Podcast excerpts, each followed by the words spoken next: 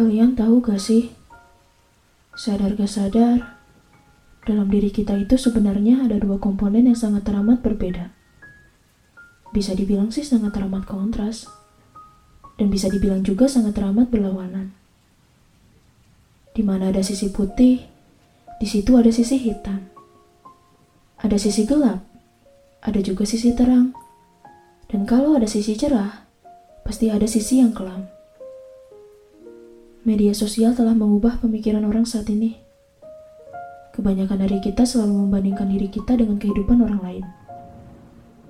Beranggapan bahwa mereka lebih cantik daripada kamu, mereka lebih bahagia daripada kamu, mereka lebih kaya daripada kamu, mereka lebih dan lebih daripada kamu. Kamu merasa insecure dengan wajah kamu, tubuh kamu, rambut kamu, tentang pencapaian orang lain, dan akhirnya hanya kekurangan yang dapat kamu lihat dalam dirimu.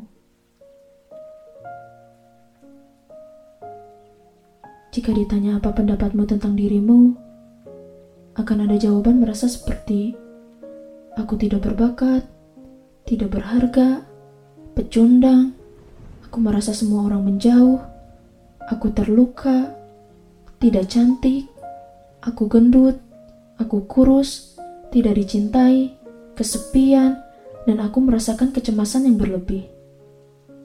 Hei, kamu harus tahu bahwa kamu tidak sendirian. Jangan khawatir tentang apa yang dikatakan orang lain tentang dirimu. Percayalah, kamu sebenarnya dicintai oleh orang-orang yang sangat berharga dalam hidupmu. Harus selalu diingat, kamu diciptakan berbeda, memiliki keistimewaan yang berbeda, dan memiliki tujuan yang berbeda dari orang lain pula tentunya. Pada akhirnya, setiap orang akan mencari hal yang sama dalam hidupnya yaitu kebahagiaan. Iya, kebahagiaan. Semua mencari kebahagiaan. Kamu hanya perlu menjadi versi terbaik dari dirimu. Bersyukur itu penting. Menerima keadaan. Iya, aku tahu berat memang. Tapi apa salahnya untuk mencoba? Sama-sama kita coba dan mulai perlahan-lahan untuk berhenti membandingkan diri sendiri dengan orang lain.